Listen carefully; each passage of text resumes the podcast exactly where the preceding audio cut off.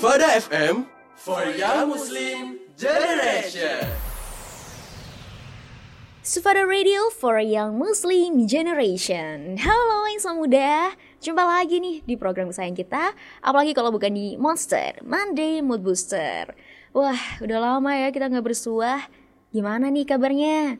Pasti pada produktif kan? Meskipun produktif, Tiara bakal nemenin kalian semua Dan bakal bahas sesuatu yang menarik Insan Muda tahu gak sih? Tanggal 9 Maret kemarin itu diperingati sebagai Hari Musik Nasional loh Nah, maka dari itu, Tiara di program Monster bakalan bahas sesuatu yang menarik tentang Hari Musik Nasional. Wah, pasti seru banget kan? So, untuk membahas lebih lanjut lagi, yang sama jangan ke mana-mana ya.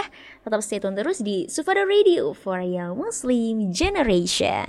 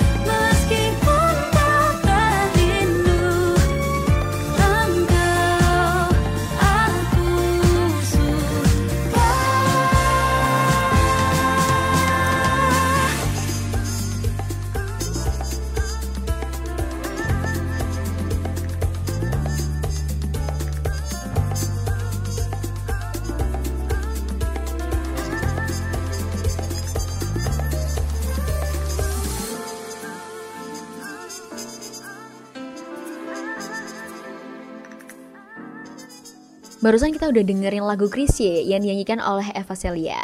Gimana nih Insan Muda? Udah cukup belum buat hati sama pikiran kalian jadi fresh? nah Insan Muda masih bersama Tiara di program Monster. Kali ini Tiara mau membahas sesuatu yang lebih menarik dari segmen sebelumnya.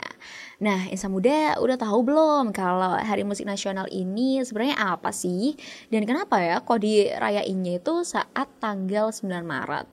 Nah, Insan Muda, Peringatan ini tuh ternyata sudah ditetapkan dalam keputusan presiden atau Kepres nomor 10 tahun 2013 yang disahkan langsung oleh Presiden Susilo Bambang Yudhoyono.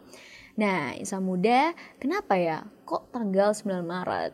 Nah, banyak nih yang bilang kalau tanggal 9 Maret itu ternyata bertepatan dengan lahirnya Wage Rudolf Supratman atau W.R. Supratman. Yang kita tahu beliau adalah pencipta lagu kebangsaan Indonesia Raya yang juga bergelar sebagai pahlawan nasional. Nah, maka dari itu, untuk meningkatkan apresiasi masyarakat terhadap musik Indonesia, ditetapkanlah 9 Maret sebagai Hari Musik Nasional.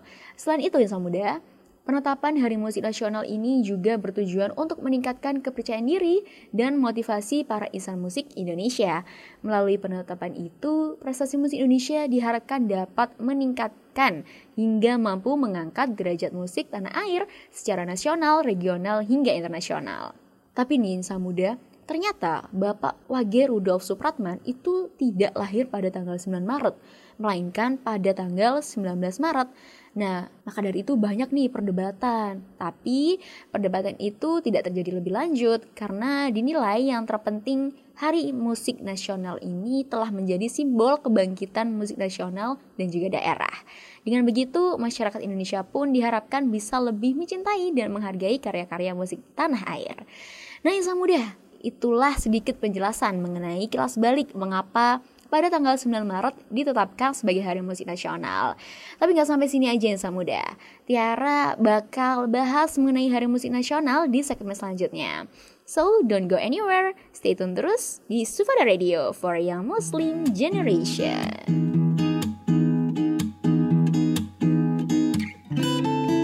Kita remaja yang sedang dimabuk asmara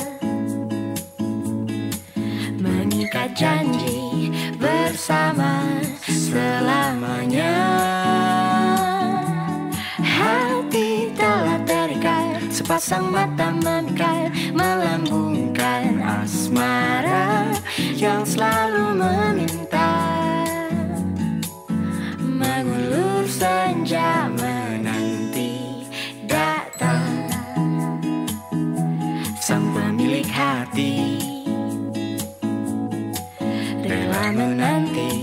sejak terbit mentari. Tak sabar untuk berbagi segala isi di hati Jariakan sanubari. Dan bercumbu di ujung hari. Indahnya kisah kasih kita di masa remaja Di bawah rayu senja kita di madu bermanja. Tiada masa-masa yang lebih indah dari masa remaja. Seakan dunia milik berdua. Hati terasa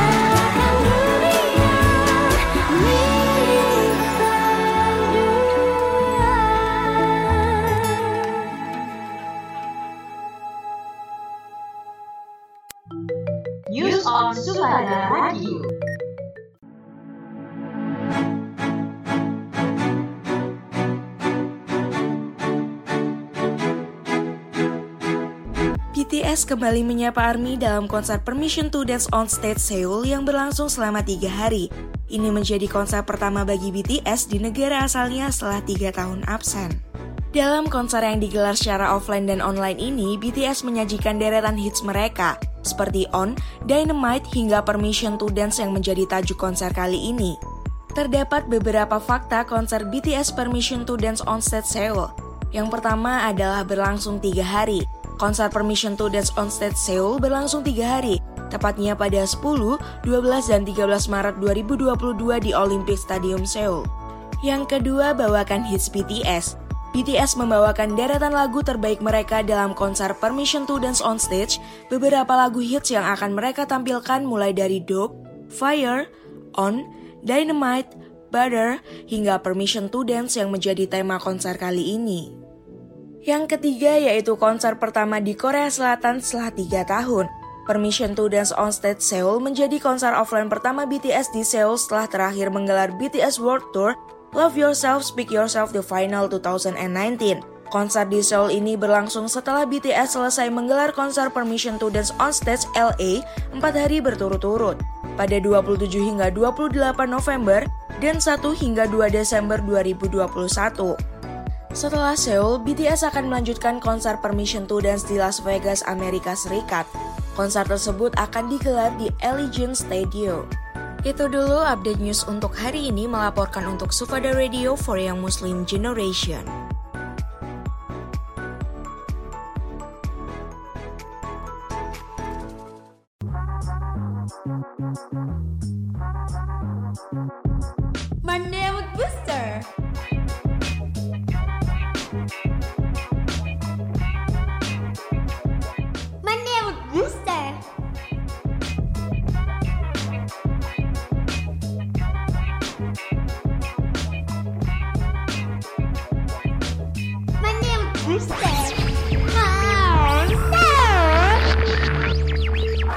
Masih bersama Tiara di program Monster Monday Mood Booster Isa mudah kalau kamu pecinta musik dan biasanya suka nonton konser, cobain deh sekali-sekali datang ke Museum Musik Indonesia yang ada di Malang.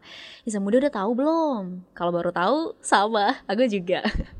Jadi museum ini merupakan museum seni musik satu-satunya di Indonesia. Dan buat kamu yang mau ke sini, lokasinya itu tepat di lantai 2 Gedung Kesenian Gajayana, Jalan Nusa Kambang, Kota Malang. Museum ini punya banyak banget koleksi musik, karya, musisi lokal dan mancanegara loh yang muda. Musik yang dikoleksi di sini tuh mulai dari dalam bentuk piringan hitam, kaset jadul sampai CD atau compact disc. Selain itu ada juga poster dan alat-alat musik. Dan yang menariknya lagi, pengunjung di sini tuh bukan cuma bisa lihat aja, tapi juga diizinkan atau dibolehkan buat mainin alat-alat atau musik yang ada di sana. Gimana? Sampai sini udah tertarik belum buat datang ke sana? Kalau masih belum, tenang. Tiara bakal ngasih tahu fakta menarik tentang museum yang ada di Malang ini. So, langsung aja ya, masuk ke fakta yang pertama. Ternyata alat musik maupun koleksi lagu-lagu di MMI atau Museum Musik Indonesia sebagian besar itu donasi dari masyarakat umum maupun pemerintah dari berbagai provinsi yang pernah datang ke museum ini loh Insan Muda. Buat kamu yang pengen nampilin pertunjukan musik, pihak museum juga nyediain satu set drum dan keyboard yang bisa dimainin kapan pun. Kamu juga bisa nyoba berbagai pakaian daerah dan memainkan alat musik dari Sabang sampai Merauke. Wih, menarik banget ya. Nah, contohnya itu kayak angklung, gamelan, sasando, dan banyak lagi. Wih, baru fakta pertama aja udah menarik banget kan? Oke, lanjut ya yang kedua. Museum Musik Indonesia itu punya 26.000 koleksi. Wah, banyak banget. Mulai dari kaset, leaflet, CD, poster, buku musik, piringan hitam, peralatan audio, sampai alat musik koleksi dari para musisi. Koleksi ini ada yang berasal dari dalam negeri yang dikategorikan berdasarkan provinsi dan ada juga dari luar negeri dikategorikan berdasarkan negaranya. Selain dikategorikan berdasarkan wilayah, di sana juga ada beberapa barang yang dikategorikan berdasarkan genre musiknya. Menariknya lagi, di museum musik ini juga ada kostum dari koleksi para musisi. Dan jangan salah, Walaupun banyak koleksi lawas, tapi kondisinya ini loh masih bagus-bagus dan bisa didengerin kapan pun. Last but not least, karena koleksi di museum ini lengkap dan terdokumentasi dengan baik, so Museum Musik Indonesia juga sering jadi tempat buat peneliti-peneliti musik dari dalam maupun luar negeri yang sengaja datang ke sini buat nyari referensi penelitian mereka. Nah, biar kamu makin percaya ini Samuda, aku bakal spill deh siapa aja peneliti yang pernah datang buat riset mereka. Nah, yang pertama ada Profesor Andrew Weintraub dari University of Pittsburgh, Pennsylvania, Amerika Serikat, dan Ain yang merupakan profesor Music and Ethnomusicology dari William and Mary College, Virginia, Amerika Serikat. Wah, parah sih, ini udah go internasional ya yang muda. Ya kali, kamu masih gak mau ke sini ya kan? So, buat kamu yang mau ke sini ke Museum Music Indonesia atau Museum Musik Indonesia, buka setiap hari loh dari jam 10 sampai jam 5 sore. Harga tiketnya murah kok, cuma 5000 aja. Bisa lah jadi list ngedit kamu di weekend nanti.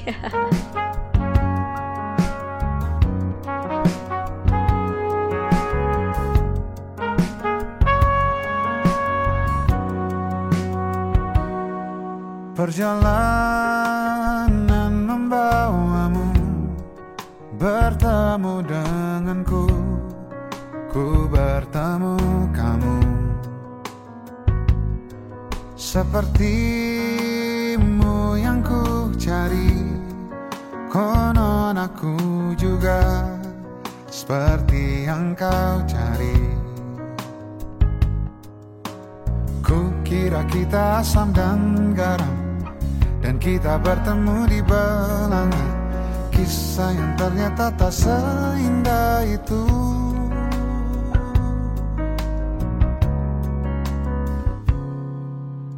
Ku kira kita akan bersama. Begitu banyak yang sama. Latarmu dan latarku. Kukira takkan ada kendala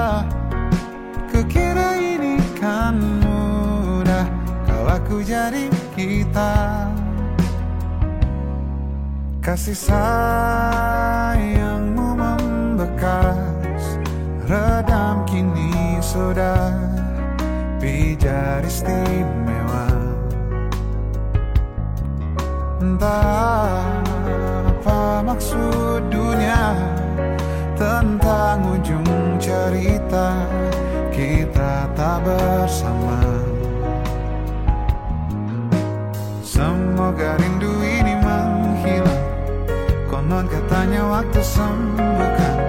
Akan adakah lagi yang sepertimu? Kukira kita akan bersama. Begitu banyak yang sama. Latarmu dan latarku. Kukira takkan ada kendala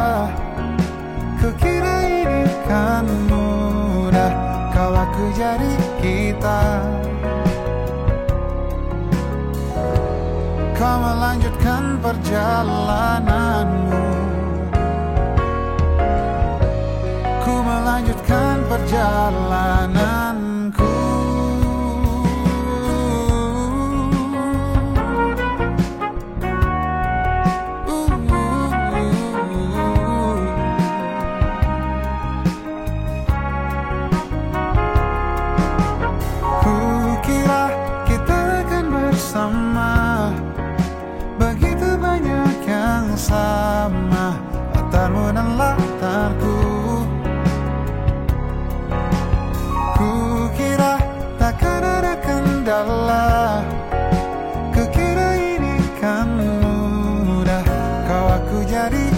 kita Kukira kita akan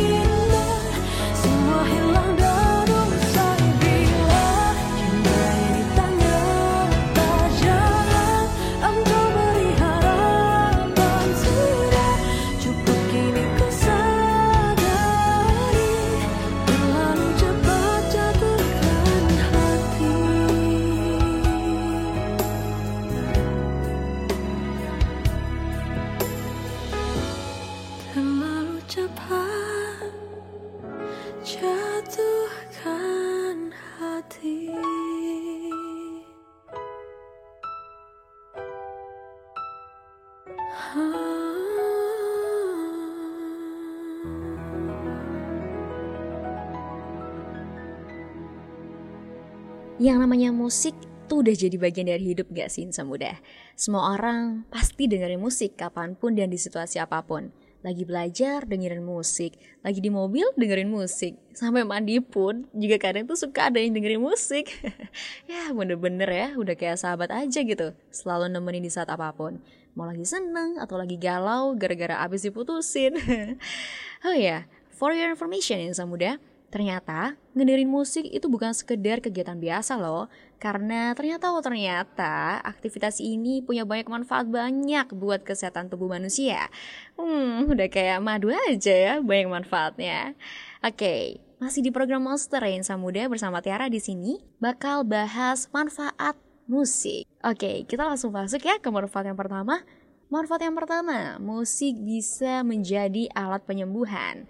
Wih, kalau kamu ngedengerin musik itu ternyata terbukti bisa meredakan rasa sakit yang kronis, kayak pasca operasi atau melahirkan. Soalnya, dengan dengerin musik, tubuhmu ini bisa mengeluarkan hormon endorfin atau hormon kenikmatan. Jadi bisa meredakan rasa nyeri tersebut. Selain itu, musik juga punya manfaat lain loh, yaitu menurunkan tekanan darah dan merelaksasi jantung. Musik juga bisa membantu penderita migrain dan mampu meningkatkan kekebalan tubuh. Manfaat yang kedua, ternyata musik bisa meningkatkan kinerja fisik. Nah, adanya irama-irama musik ini yang bisa bermanfaat buat ngebantu kamu lebih gampang buat bergerak. Contohnya kayak senam itu loh insan muda. Ya, kamu pasti tahu kan kalau senam pasti pakai musik yang bisa bikin kamu makin semangat. Selain itu, ngedengerin musik juga bisa ngurangi rasa capek dan ningkatin gairah psikologis yang bisa mengurangi ketegangan otot. Nah, yang terakhir nih Samuda, ternyata ngedengerin musik bisa menenangkan pikiran. Selain bisa nambah semangat seseorang, musik terbukti bisa menenangkan pikiran. Ya, kamu udah tau lah ya. Karena waktu lagi ngedengerin musik, itu berbagai aktivitas saraf kita seperti jantung dan pernafasan itu menurun. Ya akhirnya kamu bisa ngerasa jadi lebih tenang dan istirahatmu jadi lebih rileks, khususnya waktu tidur.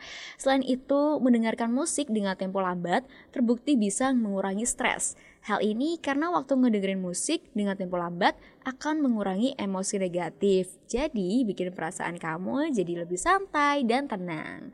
Nah itu dia yang muda. Ternyata ngedengerin musik manfaatnya baik banget ya. Yang jelas sih selain bikin sehat juga bisa bikin happy. Apalagi kalau dengerinnya musik-musik Indonesia.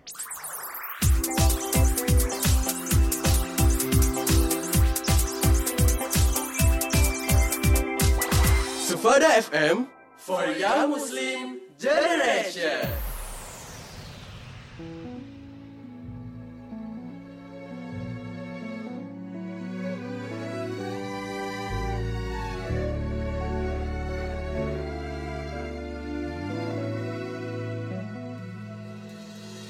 Tak seharusnya kita berjumpa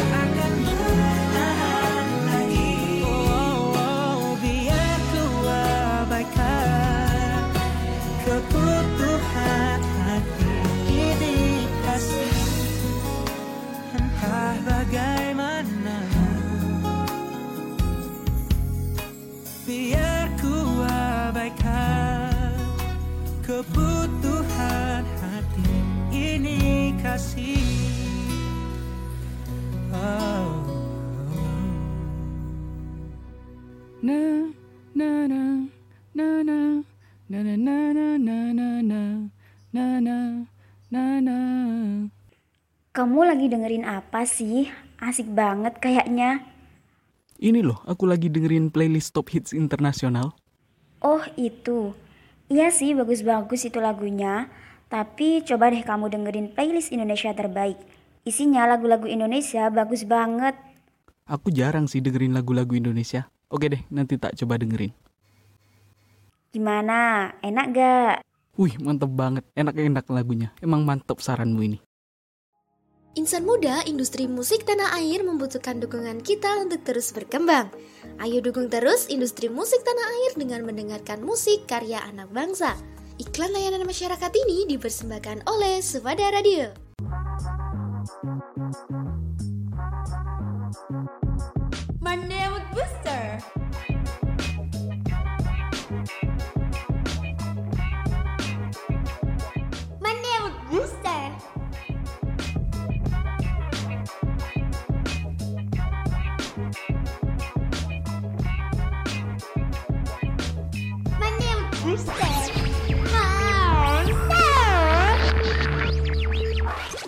Sufada Radio for a Young Muslim Generation. Masih bersama Tiara di program Monster ya Insan Muda.